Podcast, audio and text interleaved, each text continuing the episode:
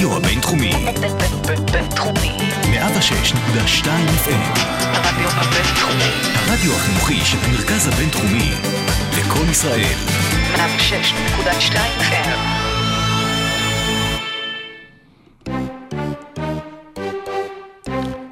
אז אה, אחרי שדיברנו על המזרח, דיברנו על המערב, מה שנשארנו עכשיו אה, לדבר עליו זה מה שבאמת מעניין את הישראלים, זה על דני, דני אבדיה, שכבר במשחק הראשון הטריף את כולם, אה, ברמה שכבר חושבים שאולי זה באמת אולי לוקה דונצ'יץ', לפחות בישראל, אבל גם את האמריקאים הוא הטריף, וכמה הוא הטריף, אז בדיוק בשביל זה יש לנו היום אורח מיוחד, בריאיון מיוחד מוושינגטון, שיספר לנו מה קורה שם ב-DC הבירה, שזה דווקא סוף סוף דברים שלא קשורים גם לממשל, וגם בפרק המיוחד הזה, מה שעוד משהו שחשוב להרבה מהישראלים, אה, נתכונן לעונת הפנטוזי הקרובה, אה, אני בטוח שרובכם אה, בסופה שקרוב אה, עושים את הדרפטים שלכם, אנחנו נדאג שאתם תבואו מוכנים. עושים NBA פרק מספר 43, יוצאים לדרך.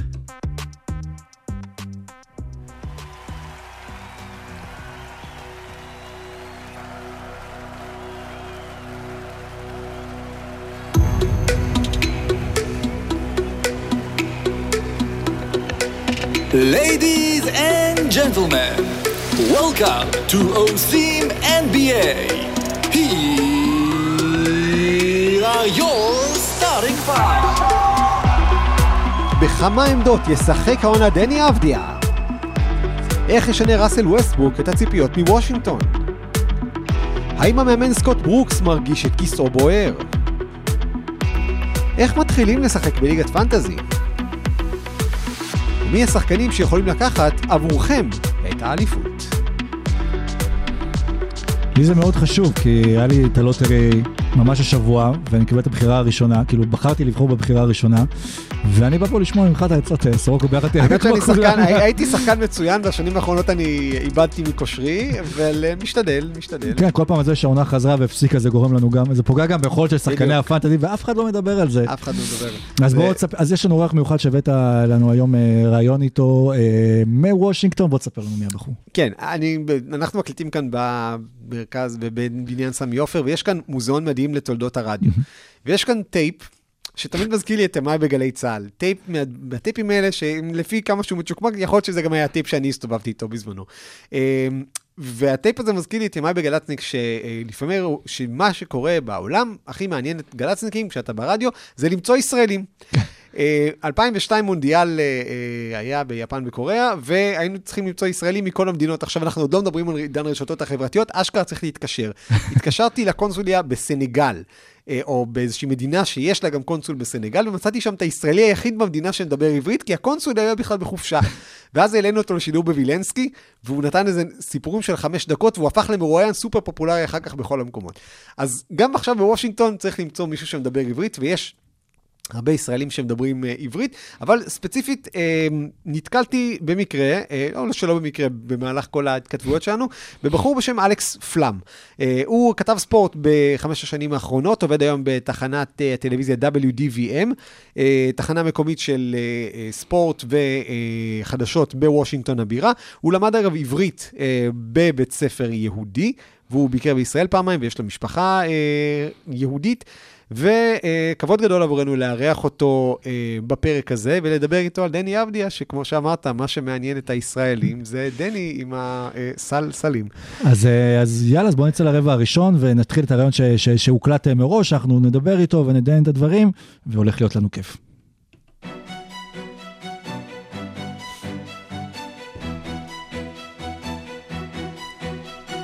רבע ראשון. התרגלת כבר למעברונים החדשים? תקשיב, זה, זה כיף. זה באמת כיף, עשית עבודה מעולה, ובוא ניתן גם קרדיט לבחור שעזר לך. לעופר מ-SPS Studios, שבאמת אה, הל- הלך וניגן את כל זה, פשוט שלחתי לו את סיריוס של אלן פרסונס פרויקט, והוא פשוט הלך ועיבד וניגן, ובחור מדהים, שהוא גם בא מניו אורלינס, כמו הפרק הקודם, עשה שם תואר. שני במוזיקה. אנחנו אז יאללה. מביאים פה רק אנשים מניו אורלינס. אה, וושינגטון וויזרס ודני אבדיה על שולחן הניתוחים, אה, ואנחנו אומרים שלום לאלכס פלאם WDMV TV. שלום חברים, כיף להיות בעושים NBA. כיף גם לנו. קודם כל, אה, אנחנו נדבר על וושינגטון קצת אה, מחוץ לעבדיה, ואז נרד באמת את הרזולוציות היותר גבוהות. אז אחד הדברים שהכי מעניינים אותנו, כי אנחנו יודעים איזה ערים יש מאוד משמעותיות, אה, שהקבוצות ספורט בהן מאוד משמעותיות, מצד שני וושינגטון לא נראית ככה. אז עד כמה באמת וושינגטון וויזרדס היא גורם משמעותי בחיים של העיר ושל הקהילה בבירה? וושינגטון עיר ספורט גדולה. אני חושב שרוב האוהדים של הוויזרדס נמצאים בעיר עצמה, מחוץ לעיר ובמדינות סביב וושינגטון כמו מרילנד ווירג'יניה. הרבה אנשים אוהדים את הוויזרדס, אבל הם רק עוקבים ורואים הרבה את הוויזרדס אם הם משחקים טוב. בשנים האחרונות האוהדים אוהבים את כוכבים של הקבוצה כמו גילברט ארינס וג'ון וול ועכשיו את ברדלי ביל. אני חושב שהאוהדים יאהבו את דני אבדיה. כשהוויזרדס משחקים טוב, הם מוכרים את כל הכרטיסים למשחקי הבית. לפני משחקים הרחובות מלאים, הרבה אנשים שמחים. האחרונות ב-2018 קבוצת ההוקי קרח של וושינגטון, הקפיטלס, שהבעלים שלהם, טד לאונסיס, הוא גם הבעלים של הוויזרדס, לקחו אליפות. Uh, בנוסף לכך, um, קבוצת הבייסבול של וושינגטון, הנשיונלס, לקחו אליפות uh, ב-2019. כשזה קרה, הרחובות היו מלאים וחגגו אל תוך השעות הקטנות uh, של הבוקר. אם הוויזרדס ייקחו אליפות, זה בדיוק מה שיקרה בעיר. Uh, הוויזרדס לא לקחו אליפות כבר מעל 40 שנה. מעבר לכך, uh, הוויזרדס משתתפים בהרבה פעילויות בקהילה המקומית uh, ותורמים המון. זה נשמע כאילו שזה כמו קהילה, כמו בישראל, קבוצה של, הקבוצה של המדינה קבוצה של עצמה. ה- הקבוצה של הבירה. ודני, דני יודע איך להת- להתנהל בקבוצה כזו, אבל הדבר אולי הכי גדול, אנחנו מדברים על אה, דני אבדיה, אבל הדבר הכי גדול אולי שקרה בוושינגטון, זה הטרייד של ג'ון וול עזב את הקבוצה. גם שחקן שהיה מאוד קשור גם כן לקהילה, וראינו אותו ממש עד היום האחרון הולך ותורם לקהילה שם, וההגעה של, ראס, של ראסל ווסטברוק, שזה שחקן שאתה מרגיש אותו כשהוא מגיע, אי אפשר לפספס אותו, והשאלה שלי באמת זה אם כמה ראס, ראסל ווסטברוק השפיע על האווירה באמת עכשיו על הקבוצה שהוא הגיע אליה, והאם גם המטרות והיעדים של וושינגטון בגלל ההבאה של שחקן שיש לו כבר ניסיון בלהביא קבוצות לפלייאוף, השתנתה. אני חושב שהוויזרדס כבר היו בתמונות הפלייאוף, אבל אחרי הטרייד עם היוסטון, לדעתי הסיכוי שלהם השתפר. וראסל ווסטברוק מעולם לא לקח uh, אליפות, אך הוא ווינר. הוא לא פספס עונה של פלייאוף מאז העונה הראשונה שלו בליגה. Uh, כלומר, 11 שנים ברציפות. ג'ון וול וראסל ווסטברוק שחקנים מאוד דומים במשחק שלהם. הם לא הקלעים הכי טובים, אך הם מהירים, אתלטים, מוסרים מצוין, והופכים את השחקנאים uh, סביבם לטובים יותר. זה בדיוק מה שאני חושב שווסטברוק יעשה בוושינגטון.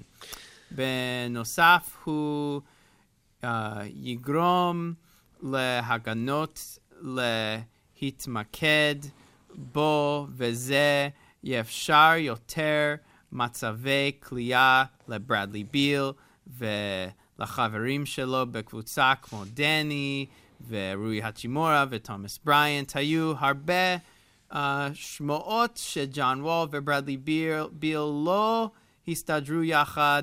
השמועות אומרות שביל וווסטברוק רצו לשחק יחד.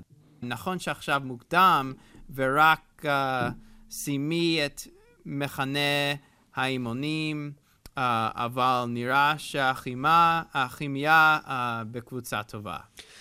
אנחנו באמת יצאנו לעקוב אחרי, הרבה אחרי וושינגטון בתגובה הקרובה. האחרונה בטח אני, שנכנס פתאום לניואנסים שבאמת לא הכרתי שם, אתה יודע, את הדינמיקות של בו, בו וגנרים כאלה. וווסטברוק, ממה ש... מכל מה שאני רואה, כולל כתבה מעולה של פרד כץ באתלטיק, mm-hmm. הוא שחקן שמדרבן, הוא מנהיג, אה, שוב, נראה איך זה יתבטא על המגרש. למשל, הוא לקח את האצ'ימורה באיזשהו אימון, פשוט. פעם אימון שלם ישב לו בתוך הראש וקילל ה... אותו ארבעה דורות אחורה, גם ביפנית פחות או יותר, שיתחיל להיות אגרסיבי יותר, שילך יותר לסל. וווסטברוק, דיברנו על זה קצת בהקשר של אולדיפו, שהוא יכול להשפיע על שחקנים צעירים, והוא, אה, כמו שזה נראה, כמו שראינו במשחק נגד ברוקלין. ב preseason הראשון, אה, כן, זה היה נראה שהאצ'ימורה פשוט זורק כל כדור אה, לסל. כן, ושוב, אולי זה פחות טוב, וראיתי שהיו גם כמה ישראלים שפחות אהבו אותו ושינו את הערך שלו בוויקיפדיה, אבל האצ'ימורה האגרסיבי זה האצ'ימורה הטוב, אני חושב שהוא כן ידע לאזן בסופו של דבר עם המסירות, ו- ו- וזה חשוב גם לדעתי, כי בהרכבים מסוימים הוא אולי אפילו יוכל לשחק סנטר.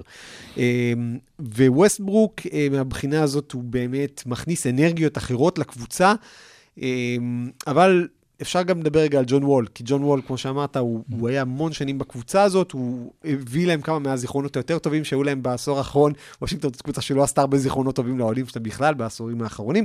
אז אנחנו שאלנו אה, את אלכס פלאם, אם ג'ון וול, שהיה דמות משמעותית כל כך בקבוצה, בקהילה, איך האוהדים אה, לקחו את העזיבה שלו?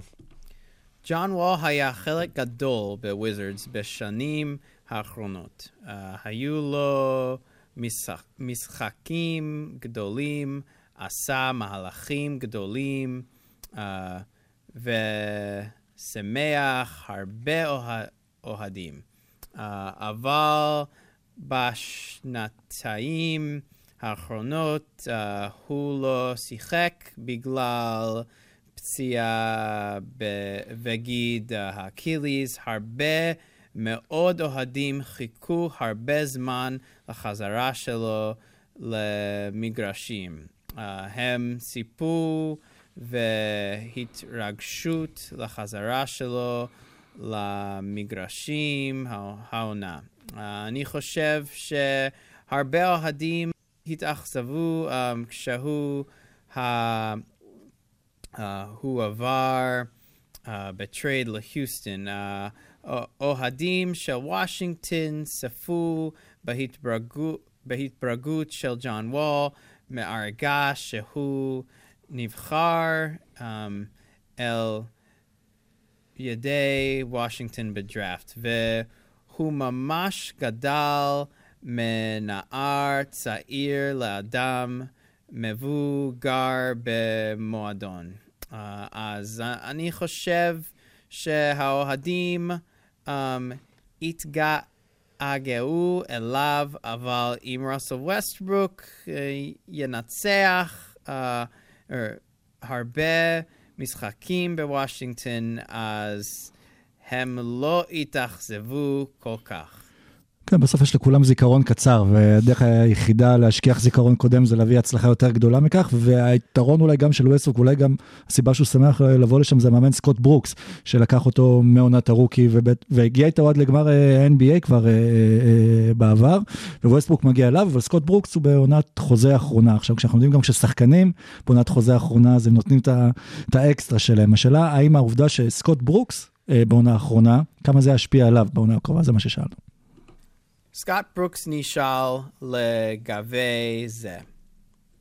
Uh, ברוקס נהנה לאמן את הקבוצה והוא רוצה uh, להמשיך uh, בוושינגטון. הוויזרדס עושים עבודה מצוינת בקהילה מקומית, uh, אך רק עבודה סבירה על המגרש. Uh, אני חושב שסקוט ברוקס רוצה uh, להוכיח uh, השנה שהוא יכול להתקדם עם הוויזרדס בפלייאופס, אבל אני לא חושב uh, שנושא החוזה שלו ישפיע על הקבוצה במהלך העונה. Uh, סקאט ברוקס מקצוען והוא ימשיך uh, לאמן כמו מקצוען אמיתי. בעיניי, אה, אה, ואני מסכים עם אלכס שברוקס הוא מקצוען אמיתי והוא כבר הרבה שנים, בניגוד למה שאתה אמרת, ש, ששחקן חופשי כשהוא מסיים החוזה, אז שואלים לאן הוא יעבור, מאמנים זה לא ככה. לא, אני אומר דווקא בתקופה שהוא, בשנה האחרונה שלו, אז בדרך כלל שחקנים חופשיים יודעים שהם משחקים על, החוזה שלהם, כן, כן. וזה גם יותר בידיים שלהם, בניגוד למאמן ש... זה בידיים של ווסטברוק, ולך תסמוך על מישהו. כן, ה- אבל כן יש לווסטברוק אה, קשר מאוד מאוד מיוחד עם ברוקס, אה, ויש שם משהו שבוושינגטון שכן מרגיש כרגע נכון בכימיה הזאת, ושוב, נראה איך זה יתחבר. מה שכן, אם זה יתחבר טוב, ולמאמנים, בניגוד לשחקנים, אין להם איזושהי... תאריך, איזשהו, תאריך דדליין של עד מתי אפשר לחתום על הארכת חוזה, אז בעיניי, אם וושינגטון יתחילו את העונה טוב, ולכן חשוב שהם יתחילו את העונה טוב מבחינת ווסטברוק, לא אופתע בכלל אם נראה שהוא מקבל עוד הארכת חוזה לפחות לשנה אחת. כלומר, כדי לדעת שאתה נותן לחבר'ה האלה עכשיו עוד קצת יציבות, עוד קצת להתפתח קדימה, ונגיד לווסטברוק יש חוזה עד 2023, אם אני זוכר נכון, גם אם ווסטברוק יקבל, אה, כאילו, ברוקס יקבל חוזה עד סוף הארכת החוזה של, עד סוף החוזה של ווסטברוק, גם מזה אני לא אופתע.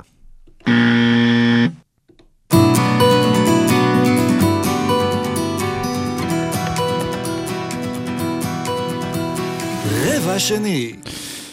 אז אחרי שדיברנו אה, קצת יותר על וושינגטון ועל הקבוצה עצמה והשינויים שלה, אז השינוי הכי גדול מבחינתנו בוושינגטון, באמת גם מבחינתם, אה, בכל זאת זה שחקן של בחירה תשיעית, בחירת לוטרי, שכבר התקשורת מתחילה לדבר עליו, אני גם ראיתי ציוצים אה, בטוויטר של אה, אנשים אה, מגיבים לגולדן סטייט, אנחנו מקווים שאתם יודעים מה עשיתם, כי השחקן הזה היה נראה מושלם אה, אצלנו בקבוצה, אה, ובאנו קצת לשמוע על דני אבדיה.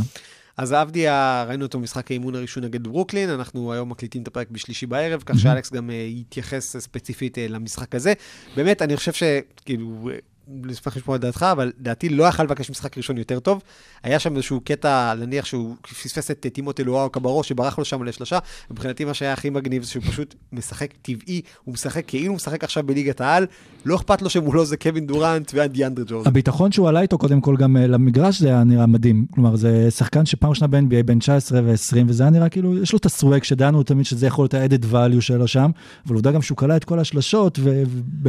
לא חלמנו על משחק כזה. סוואג צנוע. כן. אני חושב שזה מה שאהבתי. כאילו, יש את הסוואג הזה, אבל זה לא סוואג שחצני, זה כאילו...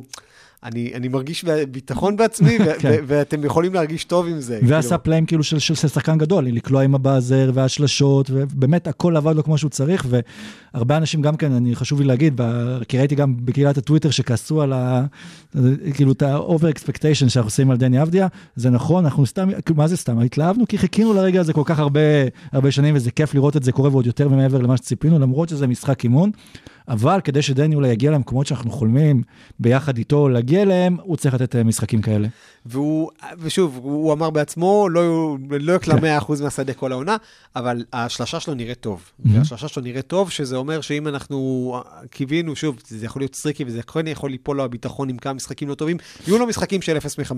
יהיו לו משחקים של 1 מ-8 או 1 מ-3 או דברים כאלה, וזה בסדר וזה טבעי. בסוף צריך יציבות, ואם הוא יגיע ליציבות וההגנות באמת יצטרכו להתמקד בו, זה ישנה את כל המשחק של וושינגטון. אחד הדברים שנשאלתי אה, באחת תוכניות הרדיו, אני חושב שזה היה ב-103, שלא לא זוכר מי זה היה אתה שם. כבר לא זוכר באיזה אולפן אתה כן, אני- נמצא, אתה בין מספרים, פה, אני- 103, כן. 20, 5, Strength in- strength in 55, numbers, כן. בדיוק. אה, אמר לי אחד המגישים שם, שזה נראה לו, כשוושינגטון הראו את כל הוויזואליה שם, שוושינגטון כאילו קיבלו את לברון ג'יימס. אז השאלה הראשונה, שאלנו את אלכס פלום, אה, אה, פלאם ב- ב- בדבר הזה, האם וושינגטון, האם זה היה, עד כמה זה היה הצגה באמת לתקשורת, ועד כמה וושינגטון באמת הייתה שמחה מזה שדני אבדיה נפל למקום התשיעי והגיע אליה. אני חושב שזה היה אמיתי. הוויזרדס לא חשבו שדני יהיה שם בבחירה תשע, אז בגלל זה טומי שפרד מאוד התרגש. הם חושבים יש להם כוכב חדש בקבוצה, ואני חושב שהם מאוד מתרגשים לדני לשחק עם ווסטברוק וביל ועוד שחקנים. Um, הבעלים טד ליונסס וסקוט ברוקס ואוהדים אוהבים את דני וגם הרבה יהודים בארצות הברית מאוד מתרגשים. אה, זה בטוח שדני עשה לעצמו שם טוב, ובעיקר בארצות הברית, כשאתה נותן איזשהו משחק טוב על ההתחלה, זה מייצר את הבאז, ושם הוא קיבל את הנקודת פתיחה הטובה. הוא היה trending בטוויטר, כן. באותו לילה, המילה דני הייתה trending עם כמעט 9,000 ציוצים, שזה... שכתבו אנשים ב training. כן, בדיוק. training ב training, כן. trending. אה, אבל אנחנו ראינו את דני אבדיה באמת משחק כשראסל ווסטברוק ואיש סמית', וברדלי ביל, כולם אה, על הספסל, אז היה לו עוד יותר אופציה לשחק, לקבל דקות, לגעת בכדור, להראות מה יודע עם כל ההתרגשות.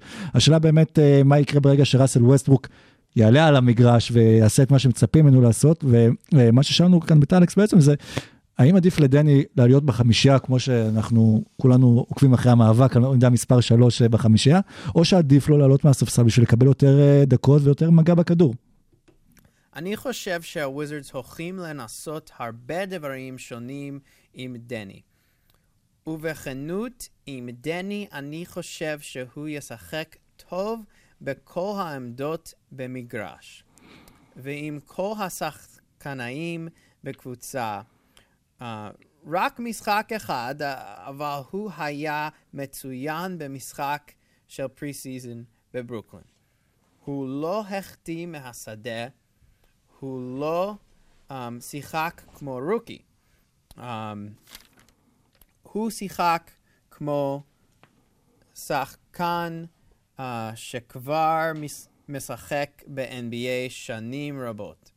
Uh, וסקוט ברוקס אמר זה תחרות להתחיל בסמול פורוורד. אני חושב שדני יכול לפתוח uh, בחמישייה כבר uh, במשחק uh, הראשון. Uh, אפילו אם הוא לא יפתח בחמישייה, הוא יהיה שחקן uh, רוטציה גדול um, uh, משמעותי. ו, אה, ומזה אנחנו גם מגיעים לשאלה בעצם באיזה עמדה דני, דני ישחק. כי היום אנחנו מדברים בעצם על כדורסל, מה שנקרא חסר עמדות, כן. אבל בוושינגטון כן מדברים על זה שיש כרגע מאבק רק על עמדה שלוש. מסתכלים על עמדה שתיים, אז זה ברדלי ביל, ואולי גם טרוי בראון ישחק שם, ואולי גרסון מתיוס וקסיוס, הרוקי שהביאו שם. אה, ובעמדה ארבע יש לך גם את אה, דוויס ברטאנס, שעדיין לא שיחק, ועדיין כנראה גם לא ישחק במשחק הבא, וגם את הצ'ימורה מן הסתם, וגם את אנטוני גיל שהגיע. אז באיזה עמדה דני בעצם ישחק. הם ישחקו הרבה פוזיציונליסט כדורסל. כמו שאתם יודעים, uh, זה, לכן זה uh, הולך ה-NBA. Uh, אני חושב שהם ישחקו דני בשוטינג גארד, בסמול פורוורד, בפאור פורוורד, אולי לפעמים point guard או חמש center ב lineups קטנים. שהקבוצה מתרגשת מהעובדה שדני יכול לשחק במספר עמדות. Uh, סגנון uh, המשחק של דני מושלם עבור ה-NBA של היום. ועוד דבר שהיה נחמד לראות גם כן במשחק זה את ה size של דני. אנחנו רגילים אותו מהיורוליג ומהליגה הישראלית, ושם הוא עדיין, קודם כל התקופה של הקורונה עזרה לו מאוד, כי הוא עבד שם קשה וניצל את הזמן בחוכמה, שזה גם משהו מעיד על שחקני NBA כמו יאניס, שוב, שאנחנו זוכרים איך הוא הגיע לליגה, או סטף אפילו השנה, שפתאום נהיה שרירן, וראינו שבסייז הוא לא נופל אה, משאר השחקנים.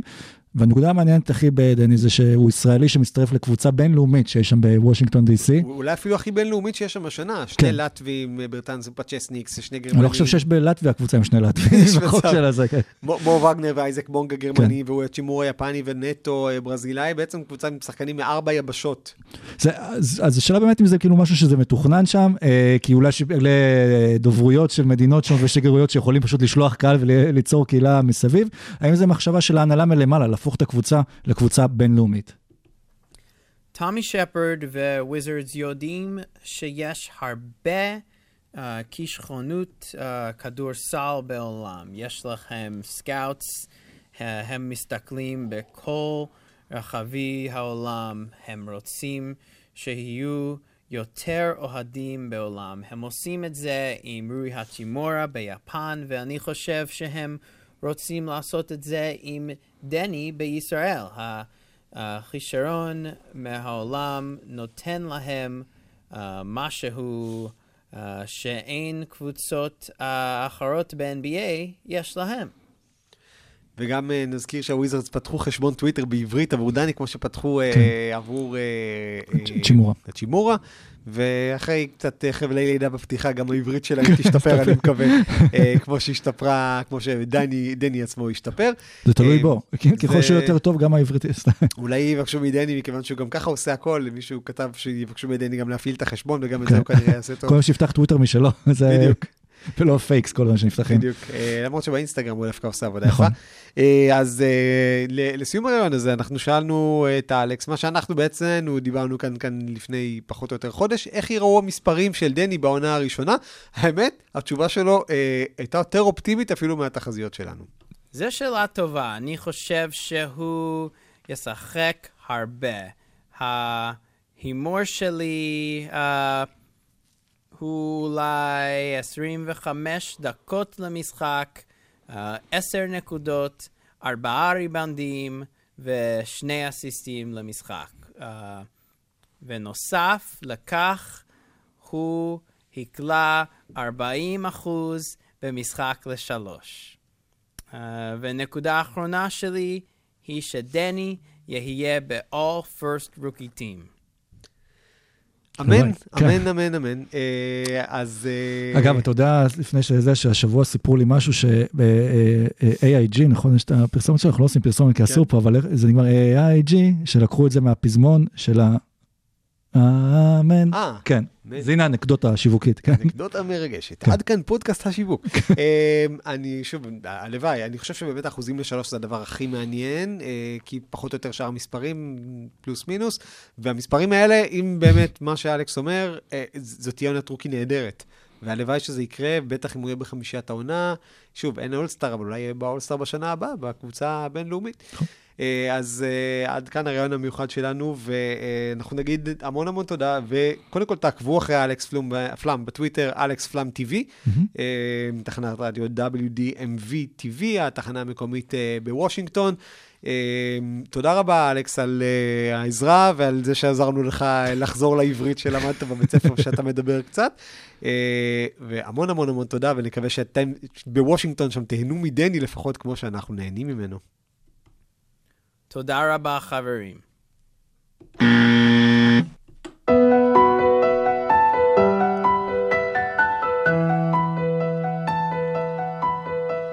רבע שלישי.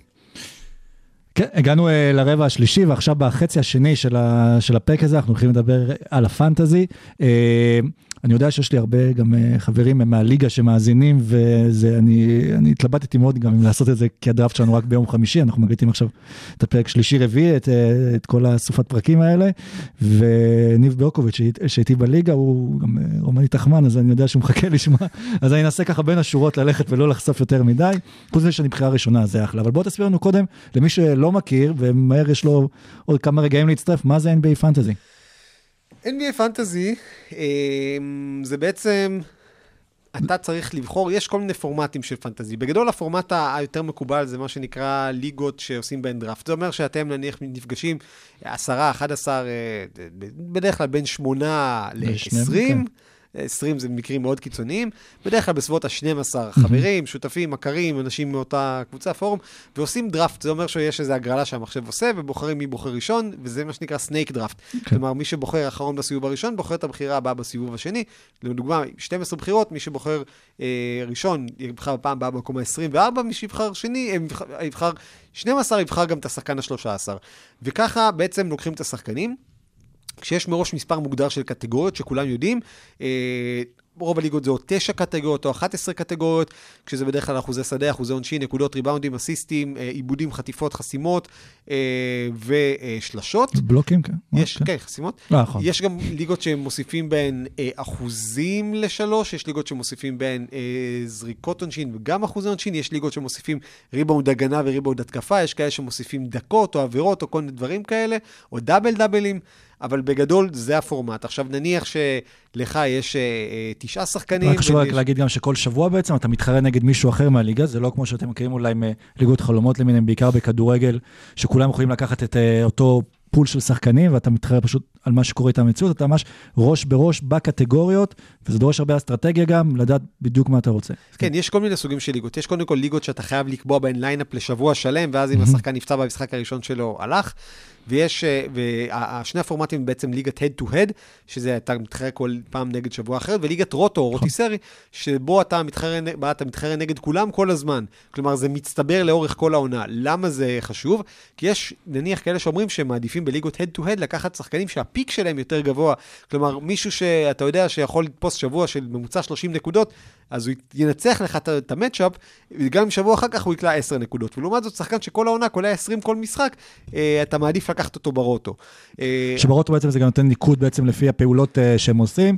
ההבדל בין זה בתכלס שברוטו אתה, כל פעולה של השחקן משפיעה עליך, ב-head to head, uh, אתה מנסה להתמקד שוב, כי כל אחד מנסה למצוא את הקטגוריות שהכי, שיהיה בהן הכי טוב, בשביל לנצח את המצ'אפ, וכל בעצם קטגוריה שאתה מנצח זה נקודה אחר כך בטבלה, חיובית, קטגוריה שאתה מפסיד היא נקודה שלילית, וגם יכול uh, להגיע למצב של תיקו. כן, נניח אם אה, עכשיו אתה בחרת כמות שחקנים מסוימת שכלה 600 נקודות בשבוע מסוים, והשחקנים שלי כלו 500, שחקנים שלך לקחו 195 ריבאונדים ושלי לקחו 182 ריבאונדים, אחוזי עונשין, נניח אצלי 77.2 וצריך 74, אז ניצחת אותי 2-1. כן. וככה זה עובד, נקודה על כל קטגוריה. ברוטו באמת, נניח אם יש 12 קבוצות, אז הקבוצה שכלה הכי הרבה נקודות ברגע מסוים יש לה 12, הקבוצה שכלה הכי מעט יש לה 1. בעצם סוכמים את כל הנקודות ולפי זה בוחרים. כן, וזה מוביל למקרים uh, מוזרים ומצערים, שאתה יושב פתאום בשני, בישראל, לפחות ב-2-3 בלילה, ואתה מחכה שאייזיק בונגה ימסור אסיסט, כדי שאתה תוכל לישון טוב בלילה. ו- ועוד מקרים כאלה, בתכלס... גם- דברים הרבה יותר גרועים, שיש לך, שנניח אייזק בונגה, נניח שאתה אוהד לייקרס, כן. ואייזק בונגה אה, עולה ל garbage time נגד הלייקרס, ו- לא ל garbage time, עזוב, שחקן, בוא נלך על יותר מאייזק בונגה. יש לך נניח את ברדלי ביל, כן. ואתה צריך, ביום ראשון, זה הרבה פעמים קורה, יום ראשון אתה אה, חייב וזה, ואתה ב- ביתרון של 20 נקודות, ואתה בפיגור של 20 נקודות, ויש לך את ברדלי ביל ואתה משחק נגד הלייקרס, כן. ואתה מת שברדלי ביל יפרק את הלייקרס ויקלע להם 40 נקודות, למרות שאתה אוהד של הלייקרס, שלא לדבר על האופציה שבצד של הלייקרס יש שחקן שאתה צריך את הריבאונדים שלו, ואז אתה רוצה שברדלי ביל יחטיא כדי שהוא ייקח את הריבאונדים, ואתה רוצה גם שברדלי ביל יקלע כדי לקחת את הנקודות. זה גורם להרבה הרבה מאוד דילמות רגשיות. כן, עוד יותר גרוע זה כשיש, בל... נגיד שוב, בתור אוהדי לייקרס, שיש בלייקרס שחקן שהוא נגדך השבוע בעת ואז אתה כאילו, לברון, ת- ת- תושיב אותו מהספסל. תושיב אותו. אה, אני יכול לספר שהייתה לי חוויה באחת הליגות שהיו לי, אה, שהליגה הוכרעה. טוב, זה היה ליגת רוטו, שבה זכיתי באליפות על חודו של משהו כמו 0.02 אחוז. מהשדה. היה, אה, לא, סליחה, זה היה head to head, אני חושב. היה משהו שבלילה האחרון של העונה, לדעתי מישהו שם שם איז, איזשהו שחקן, אולי זה אפילו סט קרי, או מישהו שהיה באמת ב- בלילה הכי גרוע בחיים שלו, עושה איזה 2 מ-17 מהשדה, היה בקבוצה שלו, ודפק לו את האחוזים מהשדה במידה שעברתי אותו מספיק. כן. אה, כן, זה היה ליגת רוטו, וכאילו לא היו לי כבר כמעט שחקנים, הייתי, ולא היו יותר שחקנים שנשארו. אגב, עוד דבר שיש בליגת רוטו, יש הגבלה של מספר השחקנים, המשחקים שאתה יכול לקבל בכל עמדה, בהד טו הד אין את זה. ושם יש גם חישובים של אם יש לך כמות משחקים שבועית, כן. בדיוק. אז באמת, על חודם של לילה וחורבן אחד של סט קרי לדעתי, לקחתי אליפות באותה ליגה. שזה מדהים, כמה זריקות היו לפני זה, והכל נפל על, על, על, על הזריקה הזו. כן, מתוך 8,000 זריקות מהלך עונה, בסוף אחת שהוחטאה. ואנשים מאבדים את זה בגלל זה, ואומרים שהחיים זה מה שאתה עושה, זה, זה, החיים זה בעצם, אתה מסביר לאחרים מה זה פנטזי בזמן שאתה לא משחק אה, אה, פנטזי. עוד משהו שנייה כן. שכדאי להגיד, אה, יש מדי פעם, תוך כדי העונה, שחקנים חופשיים, ש- שחקנים נכון. שפתאום מתחממים. ואז מה שנקרא, יש את ה pool של השחקנים, ואתה יכול להגיש waiver. waiver זה אומר, אני רוצה את השחקן הזה, והוא מתפנה בשעה 10 בבוקר, שעון ישראל, ועוד שחקנים אחרים רוצים אותו, ואז יש כל מיני שיטות ל waiver, בדרך כלל זה מישהו שהאחרון שכאילו בחר שחקן, הוא נדחף אחרון לתור. ועוד סיפור במקרה הזה, עונת לדעתי 2011-2012, אה, הניקס, אה, היה להם איזשהו משחק, אה, הם היו מאוד מאוד גרועים באותה עונה, ואז ג'רמי לין פתאום קפץ. ואני הספקתי להרים כן. את ג'רמי לין. הרווחתי אותו לחודש, של שכרון חושים, ניצחתי כמעט בכל מצ'אפ, ואז ג'רמי לין נפצע ו... אה, אתה היית גם באינסטנטי. כן, מה שאני מאוד אוהב גם כן בפנטזי, שזה מאוד מיוחד שאתה פתאום מתחבר לשחקנים מקצה הספסל שפורחים, או פיקאפים, כמו שסורוקה הזכיר קודם, יש לכל אחד אה, את הפול שחקנים שיכול לבחור בדראפט, ותמיד יש את כל מי שלא נבחרו שאפשר להשתמש בהם, אה, שוק בשר סתם, לקחת ולהרים, שחקנים נפצעים, אתה יכול גם לשים, יש, לא ניכנס שם ל-IR וכל הרשימות האלה. ואז גם כמו עונה שעברה, שפתאום לקחתי דוונטה גרם וברטאנס ודנקן רובינסון, והנה, והיום אני מוצא את עצמי בפנאטיקס, מזמין חול- חולצות שלהם, כי זה שחקנים שאני מלווה אותם, כמו עם פלמלי ויעקב פולטל, ואתה לא יודע פתאום, אבל זה כן מי שרוצה להתעניין ב-NBA, אה, אני מאוד ממליץ לו לשחק פנטזי, מי שרוצה קצת להכיר אפילו יותר לעומק, מלבד העובדה שצריך להאזין לפודקאסט. שחקו פנטזי, אתם תכירו באמת את האחוז אה, עונשין שלו, וגם אתם תדעו מתי יש לו תור לרופא שיניים אה, לפני שהוא קובע, וכבר קרו דברים כאלה, והשנה גם יהיו הרבה כנראה מקרים בגלל הקורונה של היעדרויות אה, של שחקנים. אז אנחנו עכשיו ננסה אולי קצת גם כן לתת עצות לשחקנים, מי ששיחק, מי שעדיין לא עשה את הדראפט, מי שכבר עשה את הדראפט אולי להמשך העונה, ננסה להמליץ אולי על שחקנים. ודבר ראשון שאולי אני חשוב לי להגיד על הדראפט השנה, בניגוד לשנים קודמות, זה כמות הכישרון. התחלנו את זה גם כן עם ירון ארבל אה, בארבע פרקים אחורה, שזה בתכלס בשבילנו, כן? אה, ארבעה פרקים אחורה, אה, כמות הרכזים. יש הרבה כישרון. כשאני התחלתי לשחק לפני עשר שנים בפנטזי, היו איזה ארבעה שחקנים, שאתה שאתה רוצה לבחור באחד עד ארבע, היה שם עוד דוויין ווייד. לברון. לברון, דני גריינג'ר התברג איפשהו בעשירייה, לא משנה זה. אה, וזהו, ואחר כך אה, זה היה הרבה משחק באמת לזהות את השחקנים. היום יש אסופה פשוט של כוכבים בליגה, אה, בעיקר רכזים לפי דעתי, שגם אתה יכול להגיע לבחירה מספר 40 בדראפט ועדיין תמצא איזשהו סופרסטאר. אני בתור בחירה ראשונה נגיד, אני יודע שהכיוון שלי אולי לאו לאו דווקא יהיה לקחת רכז, כי אני יודע ש... אחר כך אני בוחר שוב בגלל שיטת הנחש, בחירות 2021 ו-40-41, שיחכו לי שם נגיד גם כן רכזים אה, טובים בהמשך. אה, ושוב, כשאתם בוחרים בסיבוב הראשון, תמיד חשוב לזכור מה הטקטיקה, אם אתם רוצים שחקן ש... אה, ונסו למצוא תמיד גם שחקנים שטובים אולי בכמה קטגוריות מפתיעות. שחקן שהוא כמו קווין לאב נגיד בזמנו, שעכשיו... אה, אה, שהיה גם לו- שלשות וגם גם ריבאונדים. שלשות וגם ריבאונדים. וגם אחוז עונשין.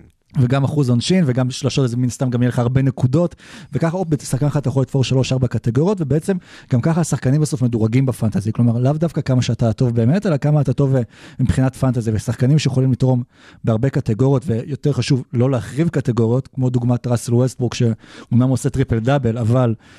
לא תקבל ממנו שלושות, תקבל אחוזי אונסים בגבינה מאוד אה, לא טעימה, ועשרה עיבודים אה, למשחק, אז זה גם כן השיקולים שצריך לקחת. אז באמת צריך הרבה פעמים תוך כדי דראפט להחליט מה אתה עושה פאנט, שזה כן. לוותר על קטגוריה. כלומר, אם זה ליגה של תשע קטגוריות, ואתה לקחת את ווסטבוק, יהיו לך ריבאונדים, יהיו לך אסיסטים. אתה יכול לקחת אחר כך שחקנים שיאבדו המון כדורים, אתה יכול לקחת את מלכי העיבודים של הליגה אחד אחרי השני, כן. כי זה לא משנה אם אתה מאבד 300 כדורים יותר מהקבוצה השנייה, או שלושה כדורים יותר, אתה תאבד את הנקודה הזאת בכל נכון. מקרה. אבל אם אתה יכול להרוויח 20 ריבאונדים, או 50 אסיסטים, אז אתה תעשה את זה. אז הרבה פעמים אתה, לפעמים הבחירה הראשונה שלך, אה, אה, היא משהו לא צפוי, אבל הרבה פעמים היא גם תכתיב לך. כלומר, אם לקחת שחקן שהוא... אה, לא יודע, יאניס עושה עכשיו אחת משבע העונשין, אם לקחתם את יאניס בסיבוב הראשון, כנראה שלא תבנו על זה שאתם תיקחו העונה את העונשין. כן. אבל חתימות, אה, חשיפות, חתימות, חתימות. חשיפות, חתימות וחשיפות, אה, או אחוזי שדה גבוהים, אה, אז זה משהו שאתם כבר יכולים לבנות עליו, ואז בין הרכזים, אתם בעצם תחפשו את הרכזים שקולעים באמת באחוזים יותר גבוהים, גם אם הם אה, לא קולעים טוב מאוד. נכון, זה מאוד חשוב גם לנסות למצוא שחקנים שדווקא שלא בעמדה הטבעית שלהם עושים משהו קטגוריה של עמדה אחרת, גבוה כמו אדבאיו שיכול אה, למסור אה, הרבה או אסיסטים, יוקיץ'. או יוקיץ', או רכז שיכול לקחת אה, הרבה ריבאונדים, או לחטוף, או לחסום אפילו, שזה היתרון אה, של יאניס, יש דברים שנקראים category builders. שחקן שעליו אתה בונה, אם אתה רוצה לבנות על ריבאונדים, אולי תצטרך לקחת את דרמונד, לפחות בתקופה שהוא היה בדטרויט, שקורא לך 20 ריבאונדים, ויכול לבד גם לנצח בעת וואט קטגוריה אה, כזו. והשנה כשאנחנו באמת אה, נסתכל נגיד על ה top 10 שנמצאים אה, אה, לפחות לפי יהוא, אפשר לשחק בכמה ליגות, אה, נראה לי המרכזיות זה יהוא ו-ESPN, ויש גם Fantrax שאני יודע שהרבה ישראלים אה, אוהבים אה, ולפתוח שם. ומי ששם מופיע ראשון, וזה הרבה התלבטות קשה להרבה השחקנים, זה ג'יימס הארדן כרגע, ואף אחד לא יודע איפה הוא יהיה, וכולם חוששים מי שעושה לפחות את הדראפט בסופש, בטח מי שכבר עשה את הדראפט. איפה לא ארדן צריך לנחות? אה, זהו, ש- שאתה אומר, כי אם הרדן נשאר ביוסטון, ואם באמת המערכת שם תישאר כמו שהיא הייתה לטובתו בפעם הקודמת, אז הרדן נותן לך נקודות, נותן לך שלשות, נותן לך זריקות עונשין, נותן לך אחוזי עונשין, נותן לך אסיסטים, בסדר גמור בחטיפות, פלוס, אה, בסדר פלוס בריבאונדים יחסית לגארד, הוא עושה בטריפל דאבלים, אתה מוותר על עיבודים, כן, באותו כן. זמן אתה מוותר גם על אחוזי השדה, אבל יש לך שחקן שכבר חמש קטגוריות באמת יכול להכריע, והיו לו שבועות שהוא קלע 50 נקודות למשחק ופשוט ניצח לבד בקטגוריה הזאת. מצד שני, אם הוא ילך עכשיו לברוקלין, ואז יחד עם דורנט וקיירי, הוא פתאום לא יקלע את ה-32 נקודות, ולך תדע איך השיטה של יוסטון תעבוד עכשיו, אז ארדן זה באמת סימן שאלה. עוד סימני שאלה, זה שחקנים שאתה אומר, אוקיי, הם יהיו מצוינים כל עוד הם ישחקו, אבל אחד הדברים שצריך לקחת בחשבון בפנטזי, ושאני לוקח בחשבון, זה, אני רוצה רוב הזמן שחקנים, שכשיגיע הזמן של הפלייאוף, הם עדיין יהיו רלוונטיים, וזה אומר שהקבוצות שלהם לא ילכו ל tanking שיפגע בהם. כן. כלומר, אם אתה מסתכל, נניח, על שחקן אה, כמו שי גילג'ס-אלכסנדר, שבאמת בחרתי אותו סיבוב שני ונקווה לטוב, אז אה, זה שחקן שמבחינתי, גם אם אוקלהומה סיטי, והיא לא תתמודד כנראה לפלייאוף, זה לא יפריע לזה שהם ייתנו לשי. להמשיך לשחק. מצד שני, אם יש איזה שחקן כמו דרמונד אה, בקליבלנד, שהוא גם ככה מסיים חוזה בסוף העונה, ואתה אומר, יכול להיות שקליבלנד יבינו כבר בפברואר שזאת לא העונה שלהם, ויעדיפו לקדם אה, שחקנים צעירים, ואז דרמונד אה, יקבל load management כזה בסוף, והוא פחות ישחק, ואז בפלייאוף אנחנו נתפוס את הראש ונגיד למה לא אה, עשינו את זה. אז גם אלה דברים שצריך לקחת בחשבון, השבועות האחרונים של העונה, לא השבוע האחרון ספציפי, אגב, נכון. כי השבוע האחרון זה המון המון ערימות של שחקני garbage, השבועות האחרונים של העונה זה שבועות של פלייאוף, ורוב הזמן, הרבה אנשים מעדיפים לבחור שחקנים שאתה יודע שבתקופה הזאת הם ישחקו והם ישחקו הרבה, כי המשחקים שלהם יהיו או חשובים לקבוצה שלהם להתמודדות על דברים, או חשובים להתפתחות שלהם. ואגב, אני אגיד שגם פה אתה לא יכול לחשב, כי נניח שמילווקי אה, מבטיחה את המקום הראשון במזרח שלושה שבועות לפני סוף העונה, ואז מתחילים לעשות load management ליאניס בדיוק אחרי שאתה בחרת אותו. שזה לפלייאוף. דבר חשוב גם לכל מי שמגדיר את הליגות, אה, לדעת שעדיף לא לסיים לפחות את הפלייאוף שלכם בשבוע האחרון של העונה, כי הרבה שחקנים אה, נחים ואז זה מבאס שאתה בתקופת פלייאוף וגמר וכל הכוכבים שלך. קחו את זה כמה אה, שבועות טיפה אחורה, בוא נגיד, שבועיים שלושה, אולי, אולי השנה זה קצת פחות קריטי לעומת שנים קודמות, אבל כדי שתוכלו באמת ליהנות מהפנטזי עד הסוף, שוב, למי שמשחק head ועושה את הפלייאוף. אז בואו עכשיו דיברנו גם כמה פנטזי זה באמת ממכר והסברנו, וכמה חשוב גם לעקוב אחרי בלוגים וחשבונות בטוויטר שנותנים עדכונים. אתה לפעמים- רוטו וורלד, כן.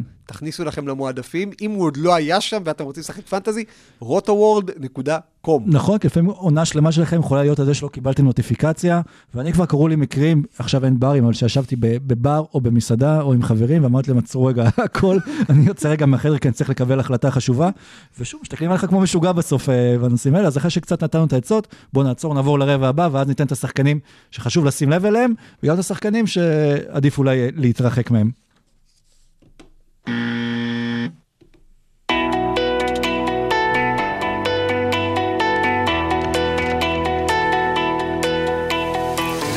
רבע רביעי.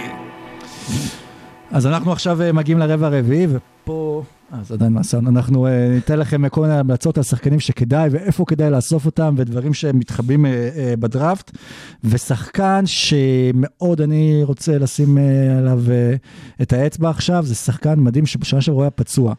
אבל הוא אה, בפורטלנד יכול לתת עונה נהדרת, וזה יוסוף נורקיץ', שזה שחקן שיכול, ממש סטאצ פילר, שיכול למלא לכם את כל הקטגוריות. שחקן ששנה שעברה בחמש קטגוריות שונות עשה מעל אה, חמש, נכון? היה לו... אה, 555. כן, 555. אה, לא בשנה שעברה, בשנה בשנה שלפני. הקודמת, אה, ועדיין כאילו גם בהרכב השנה של פורטלנד, נורקיץ' אמור לבעוט, כל עוד הוא בריא ו...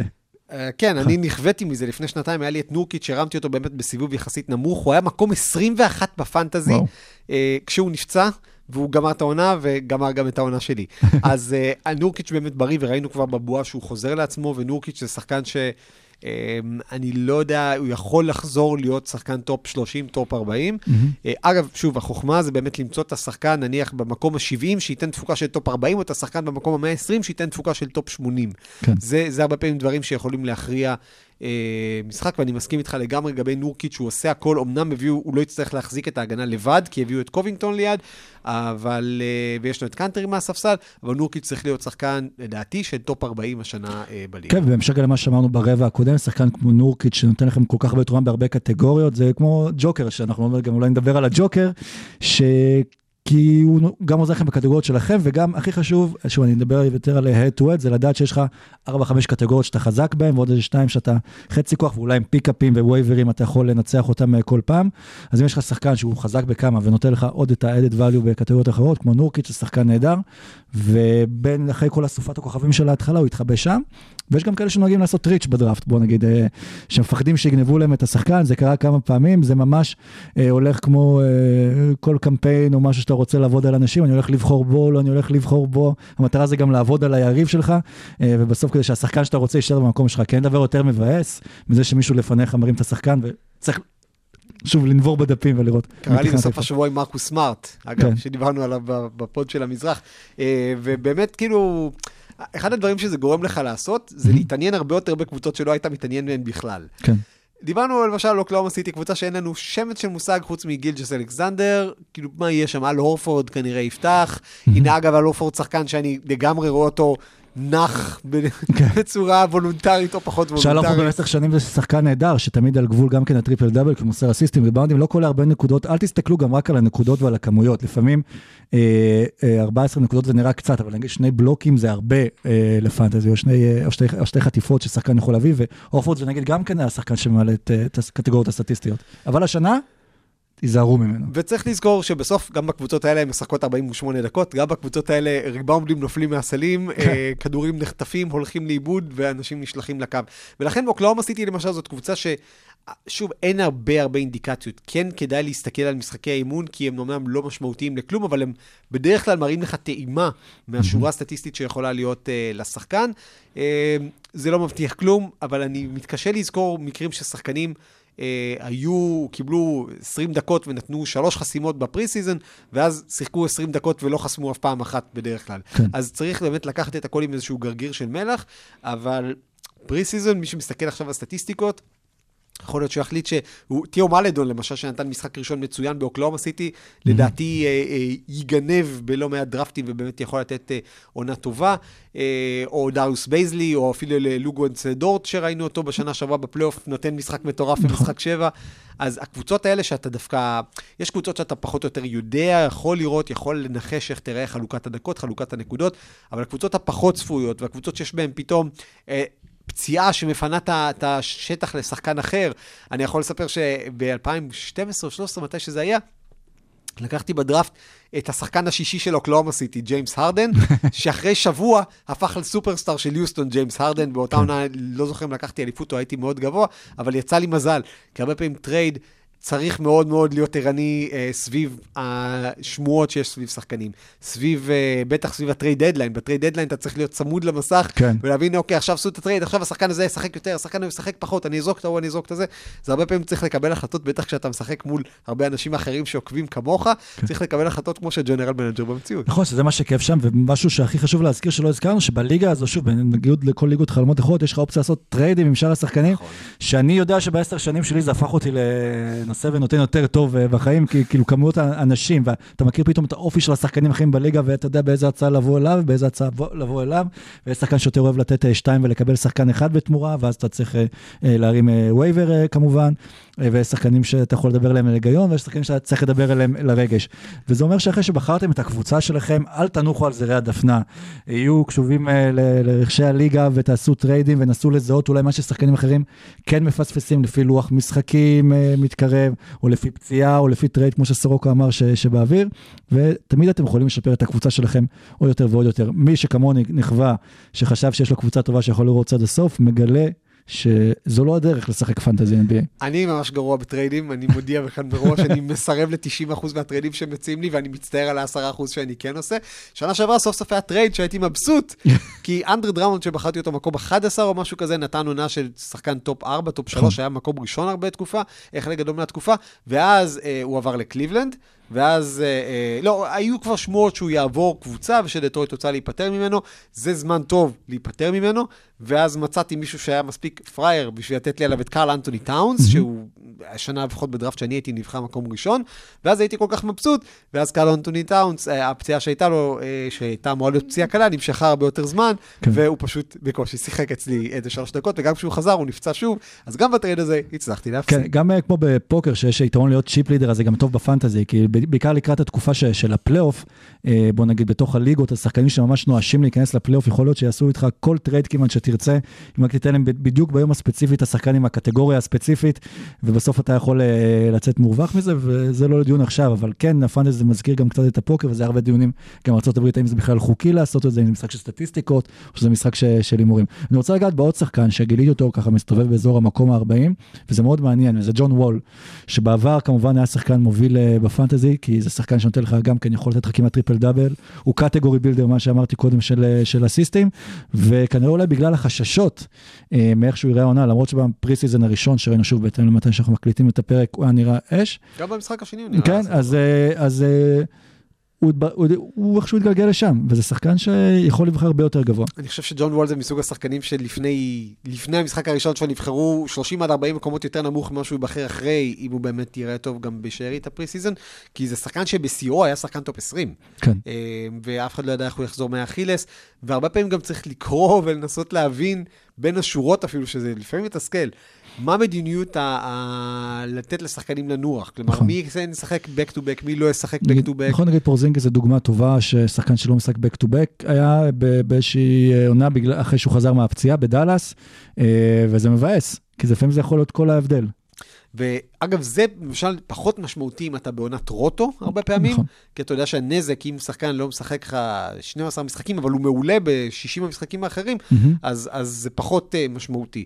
אז זה גם משהו שצריך לקחת בחשבון. אם אתה דיברת על ג'ון וול, uh, עוד שחקן שמאוד מעניין אותי מה דעתך עליו זה קריסטיאן ווד. כן. Uh, ששוב, אני, אני, יש הרבה הרבה הייפ סביבו, גם כדורסלנית ובעיקר פנטזית.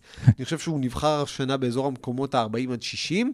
אתה היית לוקח את ווד אם היה? אה, היה לי יותר קל לקחת אותו אם הוא היה נשאר בדטרויט, כי הייתי יודע שהוא יראה יותר את הכדור, גם בהמשך למה שדיברת קודם, אחרי שדווקא הקבוצות אולי החלשות יותר, יש יותר הזדמנות לשחק ולעשות כל מה שאתה רוצה, ובעיקר למלות את השורה הסטטיסטית.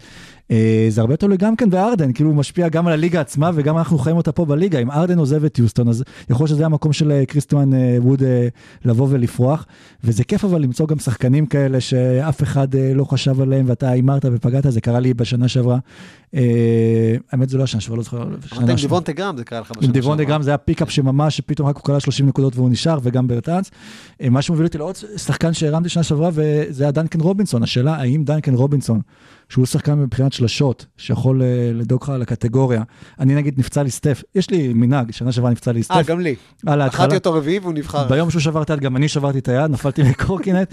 שנה, שנה קודם אני אה, אה, פותח את הטלוויזיה בארבע דקות איחור לראות משחק הפתיחה של בוסטון. בשנייה שאני פותח, אני רואה את... הרגל של. גורדון הירוד. אוי, זה, זה, זה לא אה, טוב, אבל לא, חשוב גם לא להישבר מה, מה, מהרגעים האלה בפנטזי, אה, וזו התחושה בסוף, כשאתה מצליח להתרומם משם, להרגיש כמו ג'ם אמיתי. אז על ווד, שוב, נוק און ווד, אני מקווה שתהיה עונה טובה.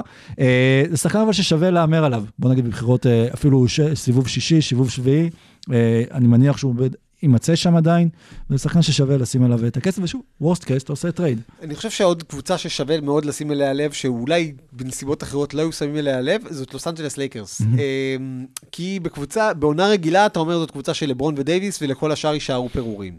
בעונה הזאת, אחרי שחוקקו את חוק לברון, כן. פחות או יותר, כדי שיהיה אפשר לתת מנוחה לשחקנים כאלה, אז פתאום נפתחת הבמה לשחקנים כמו קוזמה, שחקנים כמו קנטביוס קאלדוול פופ, כמו קרוזו, אה, אה, רוטציית הגבוהים שם באמת לא ברורה, לא ברור את מי אתה לוקח. הארל ייתן לך נקודות, אחוזי שדה וריבאונדים, גסול ייתן לך אסיסטים, אולי חסימה, חטיפה אה, לערב. שאר הגבוהים שם, אתה לא יודע מה לצפות מהם כל כך, חוץ מדייוויס כמובן. כן. אנחנו מדברים על שחקנים ליד דייוויס. מבחינתי, אה, אני עכשיו הרמתי ב waivers את טיילן הורטון טאקר, אה. שהוא ה-MVP של ה preseason. שכשאני ראיתי אותו, אני חשבתי שעדיין המשיכו עם השמות של הבועה, אמרתי, מה זה? הורטון טאקר matters. כן. אה, הוא נתן נגד הקליפרס 33 נקודות, עשה ריבאונדים עם 4 אסיסטים, 4 חטיפות, הוא לא יעשה שורה כזאת בעונה הרגילה, אבל כן, נניח בקבוצה כמו הלייקרס, אפשר להבין שהולך להיות שם הרבה ניהול עומסים. מהמם. מה שאומר שאו שהמשחק יהיה גמור ואז ייתנו לשחקנים צעירים לשחק, או שלברון ודייוויס פשוט ינוחו ואז ייתנו לשחקנים צעירים לשחק. בכל מקרה, בלייקרס יהיו יותר אופציות מאשר אה, היו אמורות. כן, טוב, אנחנו יכולים להמשיך גם לחפור ולדבר על עוד מלא שחקנים, וגם במהלך העונה, אה, כשאנחנו נקליט הפרקים, אז אנחנו ניתן אנקדוטות מדי פעם גם מה שקורה איתנו, ואולי גם כן אה, אה, המלצות, אבל באמת הכי חשוב זה להצטרף לפנטזי ו- ולשחק, אה, כי זה יכול להיות חוויה באמת אה, לכולם, ובאמת לומדים ככה להכיר הרבה יותר אה, אה, טוב את ה-NBA. וזהו, נראה לי שכבר זהו, סיימנו לסכם לכל האנשים את העונה, עברנו על המערב, עברנו על המזרח, והשאלה האחרונה שנשארה לי זה האם דני אבדיה שווה אה, בחירת סיבוב בדראפט, מלבד העניין של הרגש. קודם כל, עוד משהו אחד שנגיד, רק דבר אחרון, אה, יש בכל פעם, כתוב כאילו השחקנים שהכי הרבה מוסיפים אותם, נכון. ושהכי הרבה זורקים אותם. דני אבדיה היה מקום שני אחרי הופעת הבכורה שלו. אה, לדעתי שני רק להורטון טאקר. כן, אבל אני מניח אה, שזה גם כל הישראלים שכבר עשו את ה... כן, אבל אה, שוב, אם אבדיה יקלע ב-100% מהשדה, הוא קטגורי בילדר. כן. אני לא חושב שאבדיה תלוי באיזה ליגה, ליגה של אה, 16, 14 קבוצות, אני חושב שכן, ליגה של 10 או 12 קבוצות זה גבולי יותר. כן חושב שאבדיה, אם הוא ייתן עונה טובה, הוא יהיה שחקן מקום 120 עד 150, שזה כבר יכול להיות סוף ספסל. שזה נהדר, ועומרי כספי, אגב, בעונות הטובות שלו בסקרמנטו, היה שחקן אה, אפילו מדורג 60-70 אה, אה, לגיטימי מאוד בפנטזי. בזכות השלשות בעיקר. בזכות השלשות בדיוק ש, שהוא נתן שם, בטח לא בגלל העונשין, אבל גם היה לו שלשות וריבאונדים ועוד איזשהו בלוק.